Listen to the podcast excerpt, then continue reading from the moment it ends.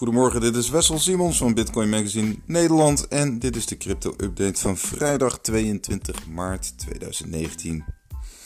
Ja, we zien dat eh, Bitcoin zich voorlopig uh, staande houdt boven die 39,50 dollar. Volgens Mike Bolderman van Altcoin Base is dat een belangrijk steunniveau.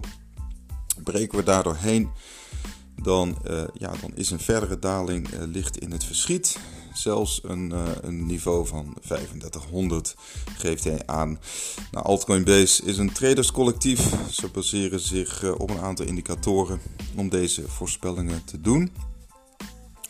We zien natuurlijk al langer dat, uh, dat de trend naar beneden is. Bitcoin wordt keer op keer afgewezen op die 4000 dollar. En nou ja, goed, de voorspellingen lijken nu dus wel uit te komen dat, dat er een daling zit aan te komen. Uh, nou ja, goed, wordt vervolgd. Uh, verder in het nieuws, Bitmain, Chinese concern, uh, ja, heeft moeite om, om haar miningapparatuur aan de man te brengen. Ligt natuurlijk al langer onder vuur.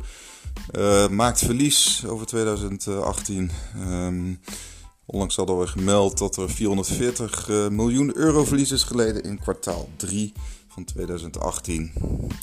Uh, nou ja, goed, zij gaan dus nu hun eigen apparatuur inzetten om uh, cryptocurrencies te minen. um, ze plannen dat in de zomer, want ze vermoeden dan dat, uh, dat de energieprijzen een stuk lager liggen. En dat maakt het weer rendabel om, om crypto te gaan minen. in ieder geval rendabeler dan, dan het verkopen van de apparatuur. En verder in het nieuws uh, Ethereum. Uh, een Tetra Capital, dat is een hedge fund. Uh, die heeft zeg maar het portfolio van Vitalik Buterin verder geanalyseerd. Nou ja, wat, wat zien we daarin? Dat, dat Vitalik op zich goede zaak heeft gedaan.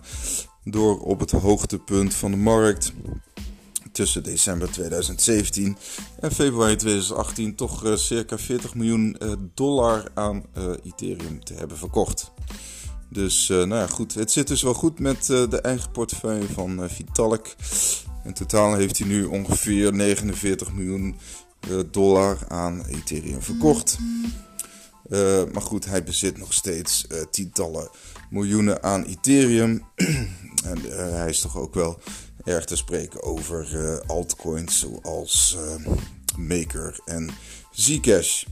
Nou, dit was de update van vrijdag uh, eh, 22 maart.